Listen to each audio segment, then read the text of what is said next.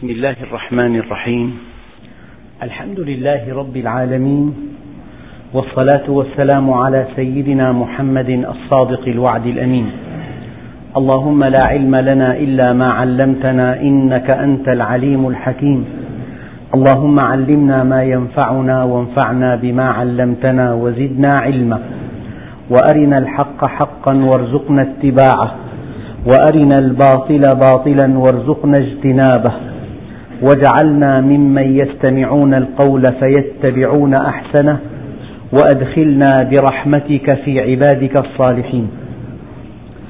أيها الإخوة المؤمنون مع الدرس الثاني عشر من سورة الأحزاب وصلنا في الدرس الماضي إلى قوله تعالى الذين يبلغون رسالات الله ويخشونه ولا يخشون أحدا إلا الله وكفى بالله حسيبا. بادئ ذي بدء من قوله تعالى الذين يبلغون أي أن هؤلاء الدعاة ليس من شأنهم أن يضيفوا عليهم أن يبلغوا. كما قال سيدنا الصديق رضي الله عنه إنما أنا متبع ولست بمبتدع. الرسالات رسالات الله عز وجل توضحت وتحددت حينما قال الله عز وجل اليوم أكملت لكم دينكم وأتممت عليكم نعمتي ورضيت لكم الإسلام دينا. في هذه الآية اليوم أكملت لكم دينكم. وأتممت عليكم نعمتي.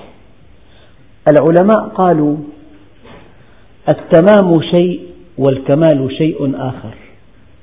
التمام عددي والكمال نوعي.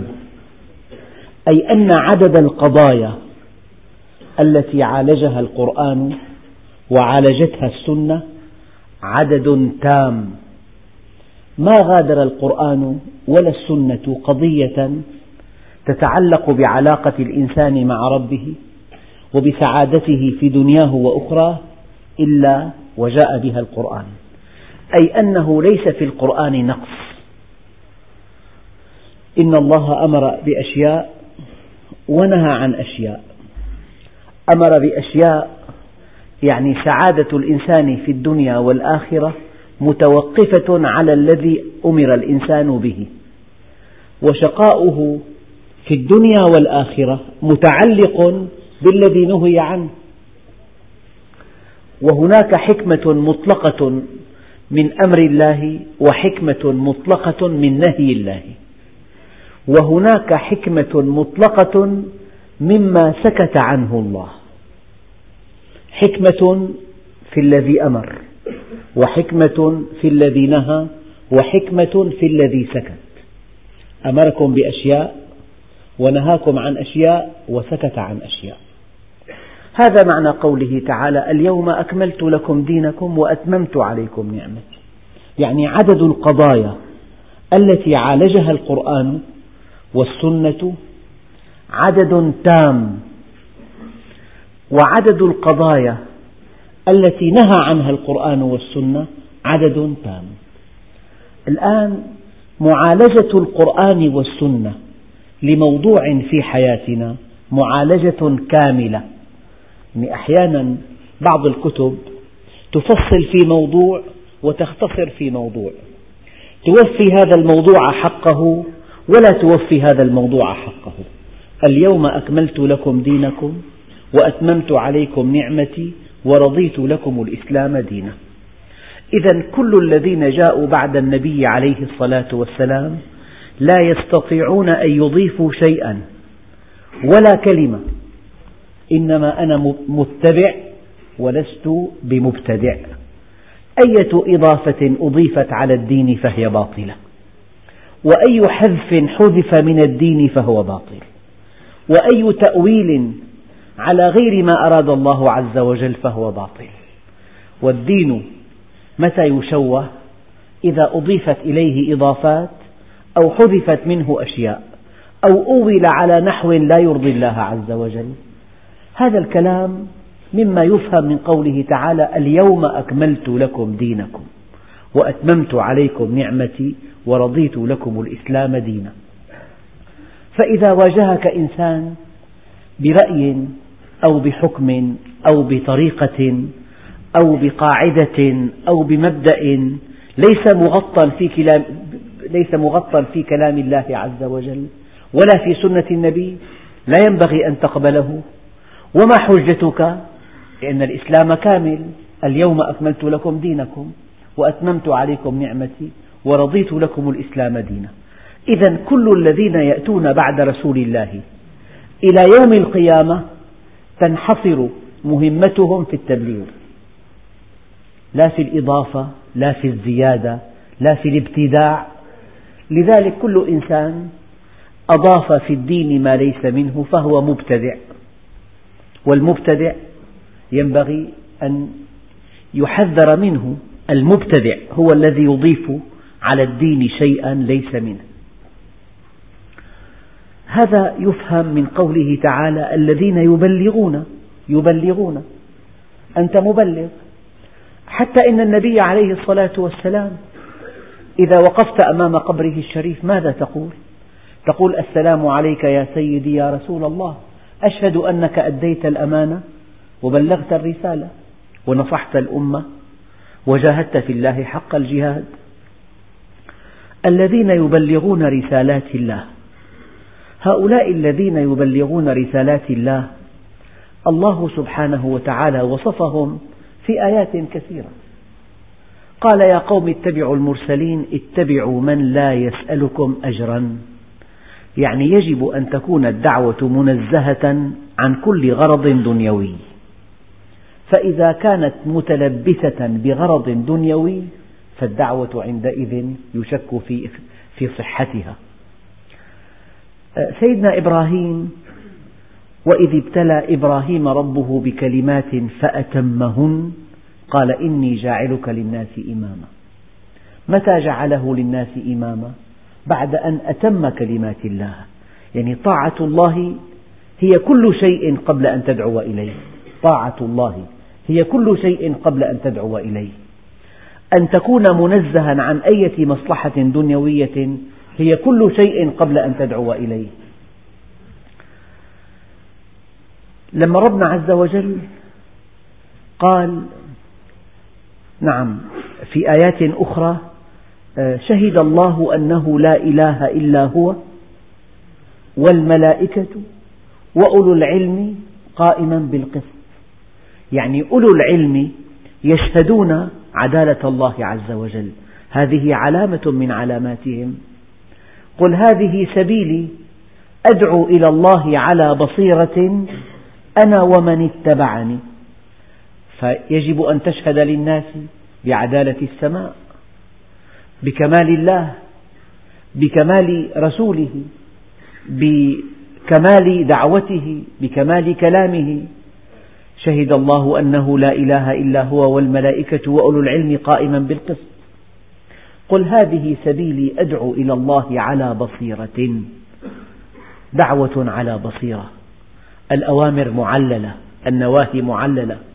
لو, لو حذف التعليل من أوامر الله ونواهيه لانقلبنا إلى إلى لانقلب الدين إلى طقوس حركات لا معنى لها لكن الله عز وجل كل أمر أمرنا به جاء التعليل بعده أقم الصلاة إن الصلاة تنهى عن الفحشاء والمنكر ولذكر الله أكبر. يا أيها الذين آمنوا كتب عليكم الصيام كما كتب على الذين من قبلكم لعلكم تتقون. خذ من أموالهم صدقة تطهرهم وتزكيهم بها وصل عليهم إن صلاتك سكن لهم. إذا هذه أدعو إلى الله على بصيرة أنا ومن اتبعني. وهذه قال يا قوم اتبعوا المرسلين اتبعوا من لا يسألكم أجرا وهم مهتدون. وهذا معنى قول الله عز وجل وإذ ابتلى إبراهيم ربه بكلمات فأتمهن قال إني جاعلك للناس إماما. إذا هناك إشارات في القرآن الكريم. الاستقامة ركن أساسي في الدعوة إلى الله عز وجل. لقوله تعالى فاستقم كما أمرت ومن تاب معك. إن الله أمر المؤمنين بما أمر به المرسلين. أن تقول أخي هذا نبي أنا لست نبيا من قال لك ذلك؟ إن الله أمر المؤمنين بما أمر به المرسلين. لكن هذه الآية فيها دقة بالغة. هو أن الله عز وجل حينما وصف هؤلاء الذين يبلغون رسالات الله بماذا وصفهم هنا في هذه الآية؟ بأنهم يخشونه. والحقيقة الإنسان متى يخشى الله؟ متى يخشى الله؟ إذا رأى أن الأمر كله له فإذا رأى أن الأمر لله ولغير الله خشي الله وخشي غير الله صار في شرك يعني حينما تخشى غير الله فاعلم علم اليقين أن هذا نقص في توحيدك حينما تخشى غير الله اعلم علم اليقين أن هذا نقص في توحيدك. والحقيقة يمكن أن تتعلم أمر الله وأن تذكر دقائقه وجزئياته ولكن تعلم أمر الله شيء والتوحيد شيء آخر. التوحيد أن تعرفه وأمر الله يجب أن تعرفه أيضا لكن قد تكون معرفتك بأمر الله أكبر من معرفتك بالله عز وجل.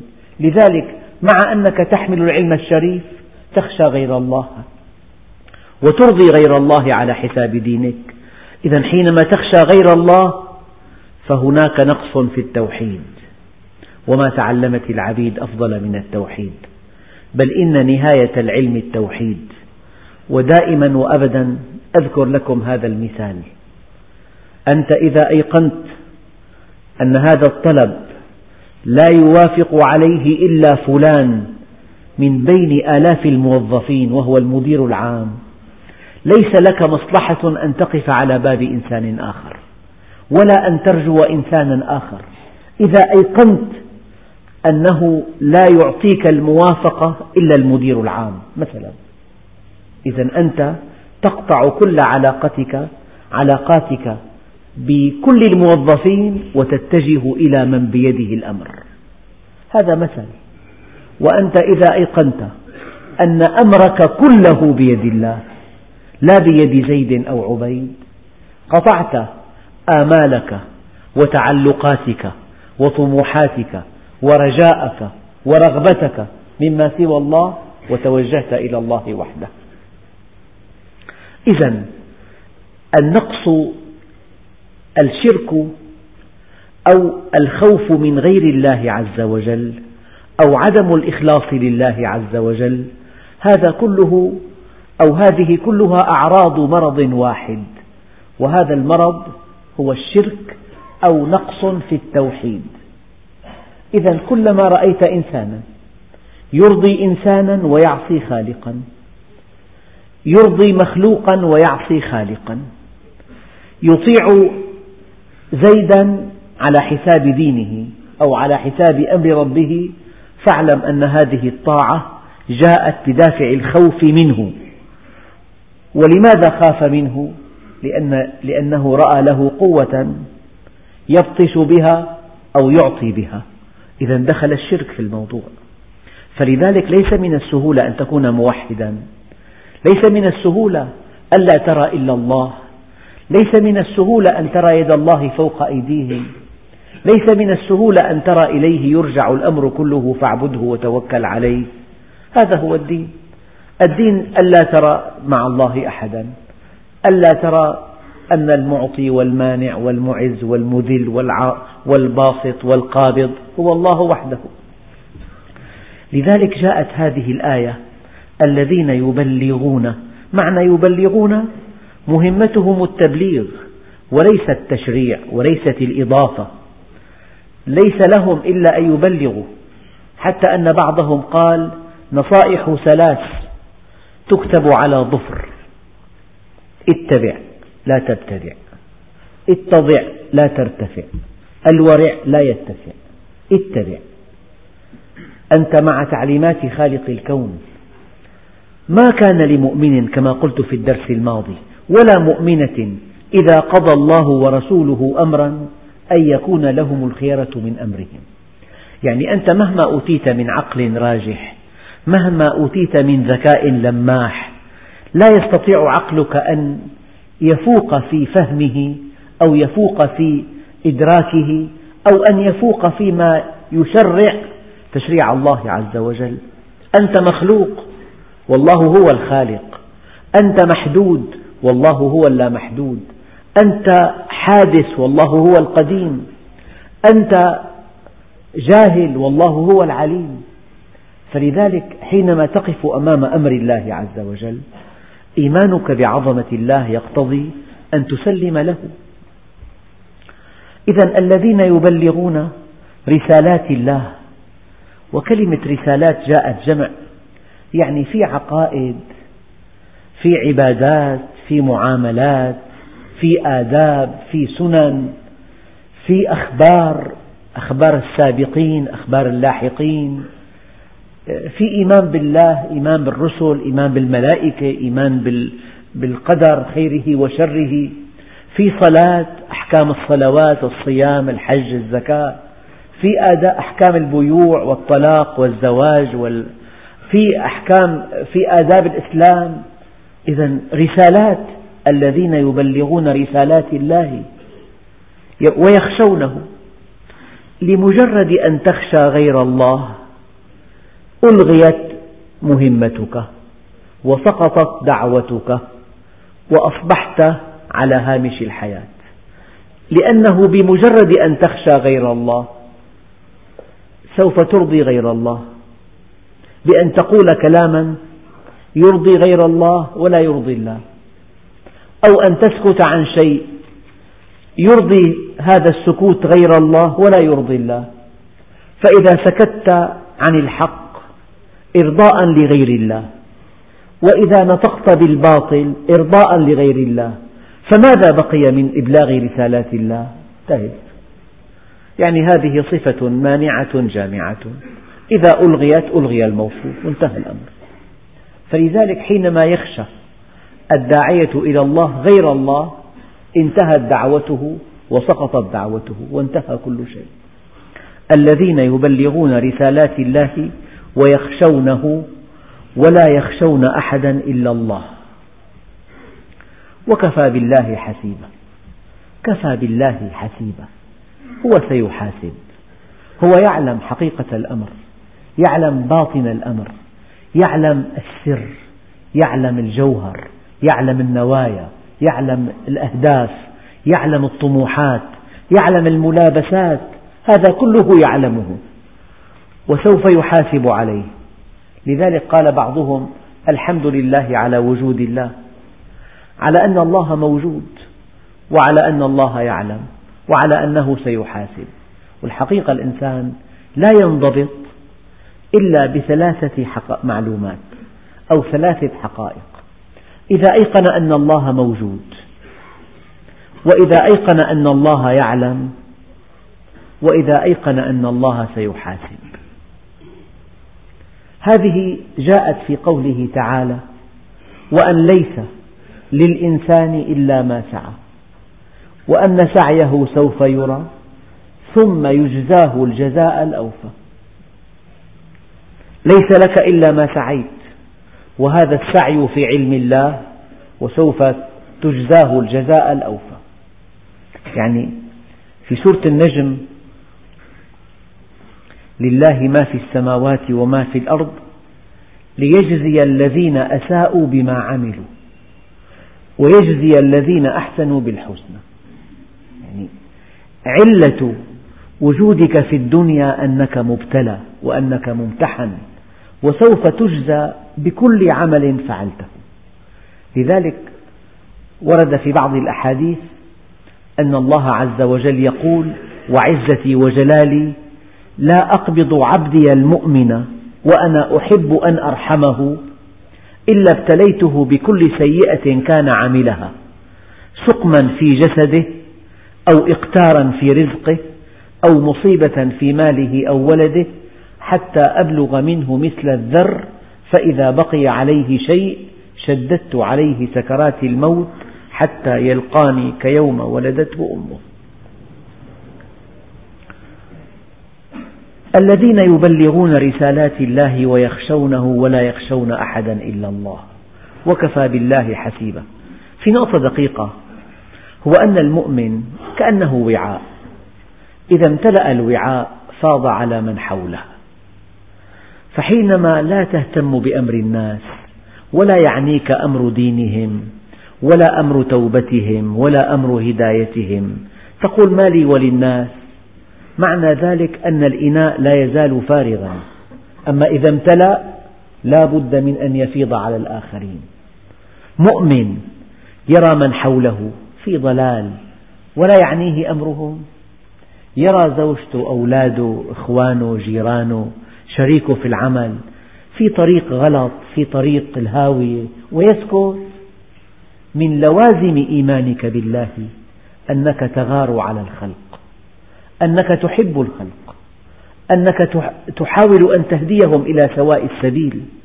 فلذلك الإنسان إذا جلس في مجلس علم وأراد أن يستفيد هو وحده شيء وإذا جلس في مجلس علم وتعلم تعلم تفسير آية أو تفسير حديث أو أخذ شيئا من سيرة النبي عليه الصلاة والسلام إذا أراد أن ينقل هذا الشيء للآخرين فقد فعل شيئا عظيما لأنه ما من صدقة أعظم من كلمة الحق لأنه من أحياها فكأنما أحيا الناس جميعا. يعني أنت حجمك عند الله بحجم عملك الصالح وما أحدث أحد وما أحدث رجل أخا في الله إلا أحدث الله له درجة في الجنة. يعني أنت إن إبراهيم كان أمة أمة. أنت كم إنسان دللتهم على الله؟ كم إنسان أخذت بيدهم إلى الله؟ كم إنسان أقنعتهم بأحقية هذا القرآن؟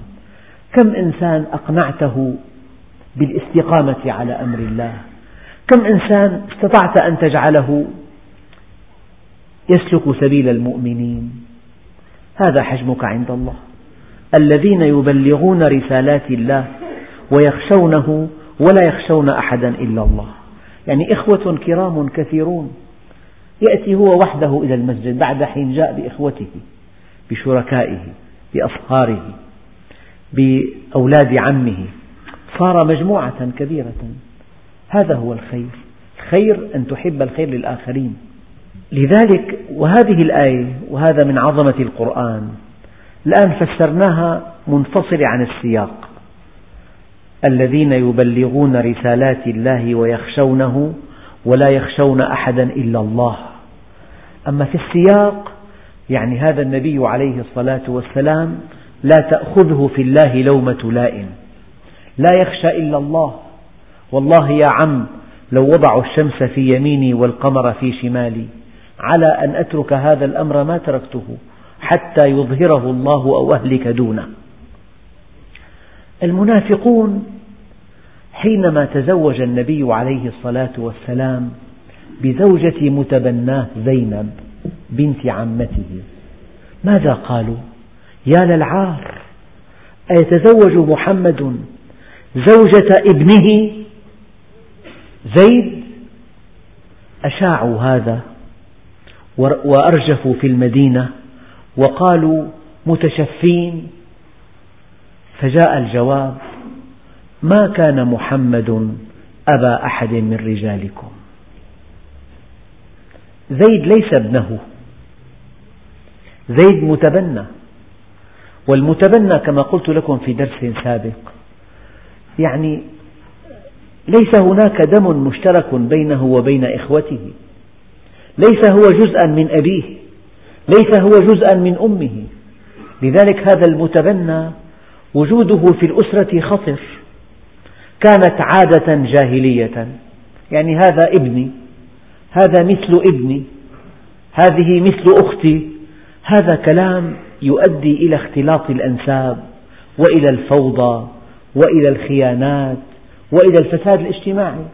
لذلك كل من يقول هذا ابني وهو ليس ابنه أو هذا هذه مثل أختي أو هذه مثل أمي هذا كلام لا أساس له من الصحة. فلذلك ما كان محمد أبا أحد. سيدنا محمد له أولاد بس ما قال الله أبا أحد من, من صغاركم قال أبا أحد من رجالكم. يعني زيد رجل. محمد ليس أباه. محمد نبي عظيم. أكرمه وأعتقه ورباه. ولكن ليس أباه. فلذلك لما ربنا عز وجل قال ادعوهم لآبائهم كان يسمى من باب الوفاء زيد بن محمد فسمي زيد بن حارثة. ما كان محمد أبا أحد. إذا قلنا محمد يعني أب للصحابة لا بالمعنى النسبي لا بالمعنى البيولوجي إن صح التعبير بالمعنى الاجتماعي يعني له عطفه ورعايته ورحمته وإشرافه. هذه أبوة معنوية أما كأبوة نسب لا. ما كان محمد أبا أحد من رجالكم. زيد ليس ابنه ولا غير زيد أساسا لا زيد ولا غير زيد. وليست المؤمنات بناته. لو أنهن بناته لحرم عليه الزواج منهن. لا الرجال أولاده ولا النساء بناته ولكن رسول الله وخاتم النبيين. يعني النبي عليه الصلاة والسلام جاء بهذا القرآن العظيم جاء بهذه الرسالة. هو رسول الله وخاتم النبيين. وليس أبا أحد من رجالكم وليس أبا أحد من بناتكم. لكن نساءه أمهات المؤمنين. بمعنى أن الله سبحانه وتعالى حرم على نسائه من بعده أن يتزوج يتزوجهن أحد. حفاظا على يعني مكانة النبي.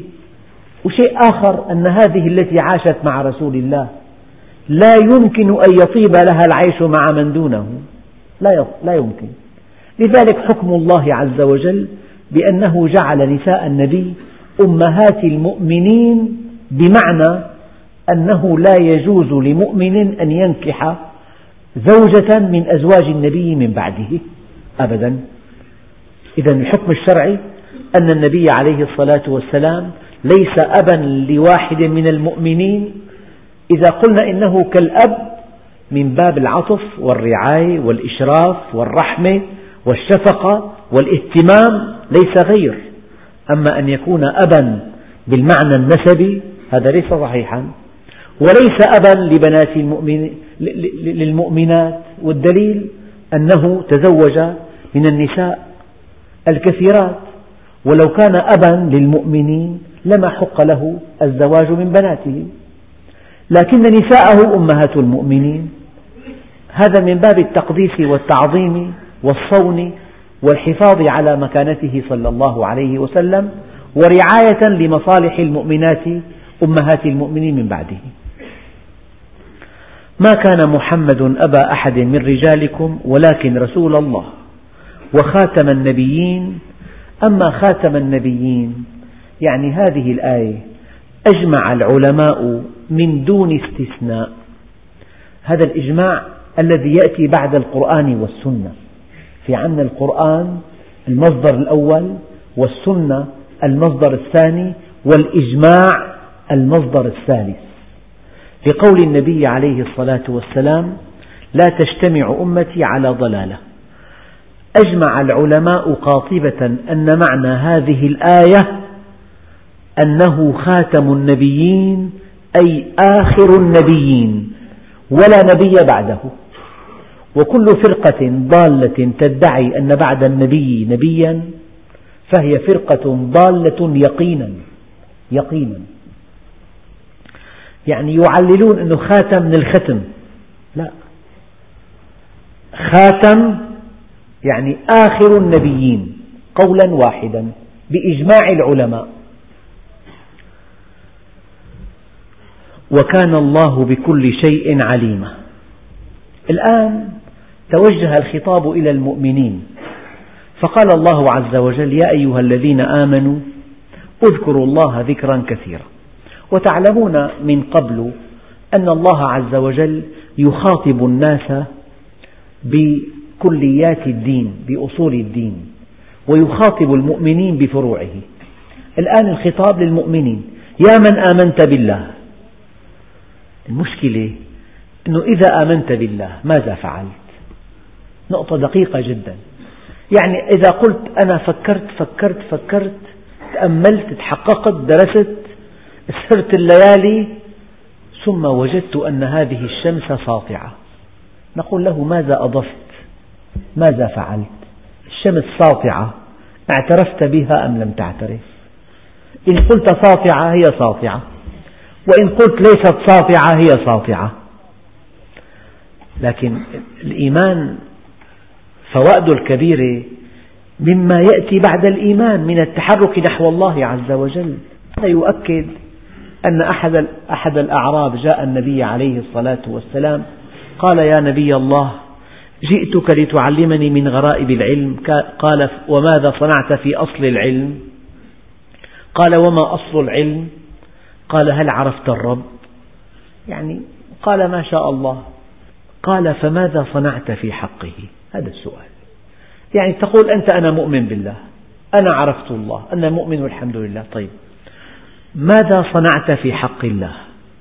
ما الموقف الذي يؤكد إيمانك؟ هل أعطيت لله؟ هل منعت لله؟ هل وصلت لله؟ هل قطعت في الله؟ هل واليت في الله؟ هل عاديت في الله؟ هل أنفقت في سبيل الله؟ ماذا فعلت؟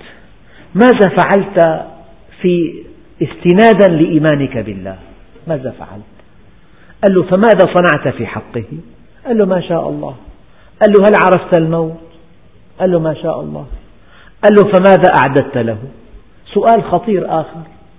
هل منا واحد إلا وهو موقن بأنه سيموت؟ طيب. السؤال الآن ماذا أعد للموت؟ ماذا أعد لدخول القبر؟ ماذا أعد لأنكر ونكير كما يقولون؟ ماذا أعد ليوم الحساب؟ قال له يا بشر لا صدقة ولا صيام ولا صلاة فبم تلقى الله إذا في سؤال دقيق ما الشيء الذي أعددته كي تلقى الله به؟ الإنسان أحيانا يعني يزمع أن يزور شخص يعني أنجب مولود أو عقد قران يقول لك بدي أروح بإيدي. ما بيتحمل حاله. يعني هل أعددت هدية تقدمها بين يدي هذه الزيارة؟ طيب أنت تلقى, تلقى الواحد الديان. عشت سنوات طويلة. أكلت وشربت وتنعمت وتزوجت وأنجبت وزوجت. وارتقيت واغتنيت وفعلت وتركت. طيب بعد هذه الرحلة الطويلة حينما تأتي الله عز وجل يوم القيامة ماذا أعددت لهذا اللقاء؟ ماذا هيأت؟ هل هيأت بر والدين؟ هل هيأت نصحا للمسلمين؟ تفقها في كلام الله دعوة إلى الله؟ رعيت الأرامل؟ عطفت على الأيتام؟ عاونت الناس؟ ماذا أعددت؟ هذا سؤال يا أخوان كبير جدا. في حركة يومية هذه تستهلكنا أحيانا. استيقظنا ذهبنا إلى أعمالنا كسبنا المال جئنا إلى البيت تناولنا طعام الغذاء نمنا سهرنا سمرنا آه، يعني طربنا ثم نمنا ثم حياة تمضي إلى أن يأتي الخبر السيء أن فلان انتقل إلى رحمة الله تعالى. شيء طبيعي هذا. طيب ماذا أعددت لله عز وجل؟ ماذا أعددت للقاء الله عز وجل؟ فلذلك يا أيها الذين آمنوا الآن جاء, جاء الأمر. هذا هذه أحد الأوامر. اذكروا الله ذكرا كثيرا. الآن في نقطة بالآية أنه لما ربنا عز وجل قال يا أيها الذين آمنوا اذكروا الله ذكرا كثيرا. فحوى الأمر ما هو؟ هل فحوى الأمر أن تذكر الله؟ لا. فحوى الأمر أن تذكر الله ذكرا كثيرا. يعني إذا كان في قصور كلوي قال لك الطبيب اشرب مي كثير الأمر أن تشرب الماء فقط؟ عم تشرب ماء أنت؟ الماء شرب الماء حاصل. لكن حينما ألح عليك الطبيب قال لك اشرب ماء كثير الأمر ينصب لا على شرب الماء بل على كثرة شرب الماء. دقيقة الفكرة. الأمر لا ينصب على شرب الماء. ليس فحوى الأمر أن تشرب الماء. لا. هناك قصور كلوي. لا بد من أن تشرب الماء الكثير. لا بد من أن تشرب كثيرا. ضع خط أحمر تحت كثير. فربنا عز وجل لا يقول اذكروا الله. يقول يا أيها الذين آمنوا اذكروا الله ذكرا كثيرا. لهذا قال عليه الصلاة والسلام برئ من النفاق من أكثر من ذكر الله. من أكثر. وبرئ من الكبر من حمل حاجته بيده. وبرئ من الشح من أدى زكاة ماله. يا أيها الذين آمنوا اذكروا الله ذكرا كثيرا. قال عليه الصلاة والسلام ألا أنبئكم بخير أعمالكم؟ خير أعمالكم اسم تفضيل خير وأزكاها عند مليككم وخير لكم من إنفاق الذهب والفضة وخير لكم من أن تلقوا عدوكم فتضربون أعناقه ويضرب أعناقكم. قالوا ما هذا؟ قال ذكر الله وما والاه. والحقيقة في التفسير الدقيق ذكر الله كلمة واسعة جدا. يعني إذا تفكرت في خلق السماوات والأرض فقد ذكرت الله. وإذا تلوت آيات القرآن الكريم فقد ذكرت الله. وإذا تلوت الحديث, الحديث الشريف فقد ذكرت الله. وإذا درست أبواب العلم الشريف فقد ذكرت الله. وإذا قرأت عن سيرة رسول الله صلى الله عليه وسلم وسيرة أصحابه الأطهار فقد ذكرت الله. وإذا أمرت بالمعروف ونهيت عن المنكر فقد ذكرت الله. وإذا جلست مع أخيك تذكره بالله فقد ذكرت الله. يعني هذه واسعة جدا. لك أن تذكره بالاسم المفرد الله الله الله. وكلما انقطع نفسك قلت إلهي أنت مقصودي. ورضاك مطلوبي. ولك أن تقول سبحان الله والحمد لله ولا إله إلا الله والله أكبر. هذا ذكر. ولك أن تدعو الله بما شئت من الأدعية. ولك أن تقرأ كلام الله. ولك أن تفكر في الكون. ولك أن تأمر بالمعروف وأن تنهى عن المنكر وأن تطلب العلم وأن تفهم تفسير القرآن. وهذا مجلس ذكر. طبعا. فيا أيها الذين آمنوا اذكروا الله ذكرا كثيرا. هكذا قال عليه الصلاة والسلام أمرني ربي بتسع خشية الله في السر والعلانية كلمة العدل في الغضب والرضا القصد في الفقر والغنى أن أصل من قطعني وأن أعفو عمن ظلمني وأن أعطي من حرمني وأن يكون صمتي فكرا ونطقي ذكرا ونظري عبرة. يعني اعلم علم اليقين أن كل شيء تقوله محاسب عليه تقوله محاسب عليه. ما يلفظ من قول إلا لديه رقيب عتيد. وكل حركة تتحركها مصورة ومسجلة. يعني إذا الواحد شاف طريق مراقب بالرادار تلاقي بياخذ قديش السرعة هون؟ لك على 80 هلا بياخذ. بيلقطوا لنا صورة مثلا. يعني أنت مع إنسان إذا كان يسجل عليك شيء تخاف منه. إنسان عادي إذا سجل عليك كلمة قلتها أو موقفا فعلته وصور لك إياه وطالبك بالمسؤولية تحسب حساب فكيف مع الواحد الديان؟ قال يا أيها الذين آمنوا اذكروا الله ذكرا كثيرا. كثيرا. الصلاة ذكر. الدعاء ذكر. الاستغفار ذكر. تلاوة القرآن ذكر. يعني نوع أكثر ونوع. وكل شيء له طعم. التفكر له طعم. والقرآن له طعم. والحديث له طعم. والاستغفار والابتهال والتهجد والدعاء. وتعلم العلم وتعلم تعلم الفقه وتعلم السيرة وتعلم الآداب الإسلامية هذا كله ذكر. يا أيها الذين آمنوا اذكروا الله ذكرا كثيرا وسبحوه بكرة وأصيلا. لماذا اختار الله بكرة وأصيلا؟ وسبحوه بكرة وأصيلا. يعني البكرة والأصيل طرفان للنهار مرتبطان بالنوم. لا تكن غافلا يعني. يعني اذكر الله عز وجل صباحا ومساء. طرفي النهار. نعم.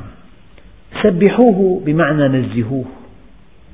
سبحان الله هو التنزيه التسبيح هو التنزيه والتمجيد. يعني نزهه عما لا يليق به ومجد أسماءه الحسنى وصفاته الفضلى. بكرة وأصيلا. يعني كل يوم. لذلك الصلوات خمسة. أرأيتم لو أن نهرا بباب أحدكم يغتسل منه في اليوم خمس مرات. ترى هل يبقى من درنه شيء؟ قالوا لا. قال كذلك الصلوات الخمس يمحو الله بهن الخطايا. قال هو الذي يصلي عليكم. أنت إذا صليت للصلاة تعريف. أنت إذا صليت اتصلت بالله عز وجل. لتقتبس من نوره. لتقتبس من رحمته. لتقتبس من كتابه. إذا وقفت في الصلاة وقرأت القرآن بعد الفاتحة هذا أمر الله. إذا ركعت خضعت وإذا سجدت استعنت وإذا كبرت كبرت وإذا حمدت حمدت. هذه صلاة العبد لكن صلاة الله عز وجل هو الذي يصلي عليكم. الحقيقة ممكن نفهم الصلاة ماذا تعني؟ قال هو الذي يصلي عليكم وملائكته ليخرجكم من الظلمات إلى النور. يعني يلقي في قلبكم نورا. ترون به الحق حقا والباطل باطلا. يلقي في قلوبكم سكينة ترتاحون بها. يلقي في قلوبكم مكارم الأخلاق. يعني في عندك بالصلاة ثلاث أشياء. الصلاة طهور. والصلاة نور والصلاة مكارم أخلاق. يعني المصلي لا يغدر ولا يكذب ولا يستعلي ولا يظلم لأنه اصطبغ اصطبغ بصبغة الله عز وجل. قال تعالى صبغة الله ومن أحسن من الله صبغة. المصلي اتصل بالله والله نور. ألقى الله في قلبه النور. يا أيها الذين آمنوا اتقوا الله وآمنوا برسوله يؤتكم كفلين من رحمته ويجعل لكم نورا تمشون به. أبدا. ومن أعرض عن ذكري فإن له معيشة ضنكا ونحشره يوم القيامة أعمى. إذا المؤمن مستنير بنور الله. اتقوا فراسة المؤمن فإنه ينظر بنور الله. هي الصلاة؟ مع النور في شيء آخر. مع النور في اصطباغ بصبغة الله عز وجل. المؤمن رحيم بصير أبعد القلوب من الله القلب القاسي. كلما اقتربت من الله اصطبغت بالرحمة بالعدل بالإنصاف باللطف بالشفقة بالتواضع. كل مكارم الأخلاق من اتصالك بالله عز وجل. إذا المصلي يمتلك رؤية صحيحة ويمتلك قلب طاهر وقلب كامل قلب طاهر وكامل والتخلية قبل التحلية. تخلى من كل العيوب ومن كل أدران النفس ثم يحل القلب بمكارم الأخلاق. ومكارم الأخلاق مخزونة عند الله تعالى. فإذا أحب الله عبدا منحه خلقا حسنا. إذا هو الذي يصلي عليكم يتجلى عليكم بالسكينة مرتاح مؤمن سعيد بقربه من الله. ومهما ابتغيت السعادة من من غير قرب الله عز وجل شقيت وأشقيت. لا سعادة إلا بالاتصال بالله. يا أيها من عمل صالحا من ذكر أو أنثى وهو مؤمن فلنحيينه حياة طيبة. إذا هو الذي يصلي عليكم. الآية مفسرة. كيف يصلي عليكم وملائكته؟ قال ليخرجكم من الظلمات إلى النور. مستنير بالصيف صاحب رؤية صحيحة. بصر حديد. ترى حقائق الأمور. ترى دقائقها. ترى مؤداها. ترى نتائجها. ترى سرها. وكان بالمؤمنين رحيما. يعني أنت تتصل بالله ربنا عز وجل يتجلى عليك بالسكينة ترتاح. يطهر قلبك تصير نظيف من كل درن. يحليك بالكمال وفوق هذا وذاك تملك هذا النور الساطع. وكان بالمؤمنين رحيما. هذا في الدنيا أما في الآخرة. تحيتهم يوم يلقونه سلام. ولا مشكلة. ولا قلق ولا خوف ولا أبدا. تحيتهم يوم يلقونه سلام. خالق الكون يمنحهم السلام. وأعد لهم أجرا كريما. يا الله في الدنيا طهارة قلب وكمال وسعادة واستنارة. وعند الهول الأعظم سلام. وبعد هذا الهول الأعظم إكرام إلى الأبد.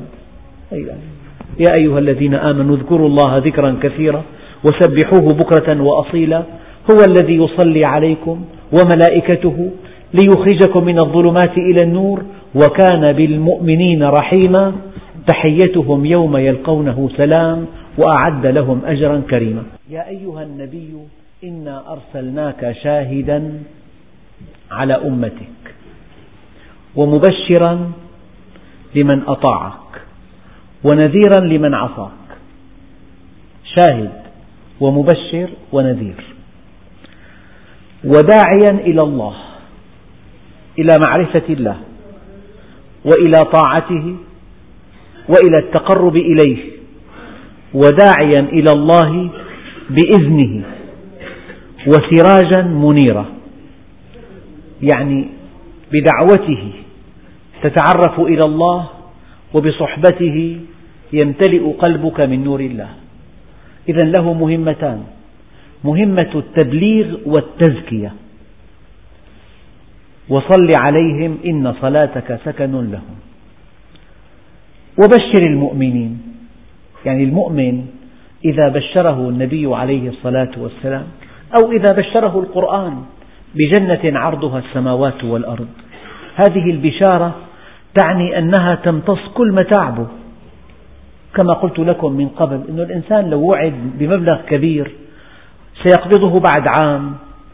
في هذا العام هو من أسعد الناس مع أنه ما قبض مبلغ منه شيئا لكن دخل بالوعد القطعي. كل قضايا تحل لك غدا أفعل كذا أفعل كذا. فالمؤمن حينما يوقن أنه من المبشرين بالجنة طبعا القرآن بشره. إذا, إذا ثبت على ما هو عليه أما إذا لا يغير الله ما بقوم حتى يغيروا ما بأنفسهم.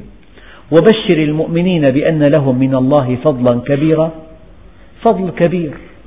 الكبير يقول لك فضل كبير. دائما لو طفل قال لك أنا معي مبلغ كبير عمره ثلاث سنوات. كلمة كبير من طفل تعني حجم صغير. أما إذا قال لك إنسان يملك أموالا طائلة أنا معي مبلغ كبير أو سأعطيك شيئا كبيرا. فلذلك هذا وصف دقيق. وبشر المؤمنين بأن لهم من الله فضلا كبيرا. ولا تطع الكافرين. والمنافقين ودع أذاهم وتوكل على الله وكفى بالله وكيلا. يعني قل الله ثم ذرهم في غيهم يعمهون. توكل على الله. إذا أردت أن تكون أقوى الناس فتوكل على الله. إذا أردت أن تكون أغنى الناس فكن بما في يدي الله أوثق منك بما في يديك. إذا أردت أن تكون أكرم الناس فاتق الله. القضية واضحة كالشمس. ما منا واحد إلا ويتمنى أن يكون أغنى الناس وأقوى الناس وأكرم الناس. فعليه بطاعة الله. أنت تطلب من الله الكرامة وهو يطلب منك الاستقامة. ومن يطع الله ورسوله فقد فاز فوزا عظيما. فاز فوزا عظيما بنص القرآن الكريم. وكفاك على عدوك نصرا أنه في معصية الله. أكبر نصر لك أنك في طاعته. وأكبر هزيمة له أنه في معصية لأنه ومن يطع الله ورسوله فقد فاز فوزا عظيما.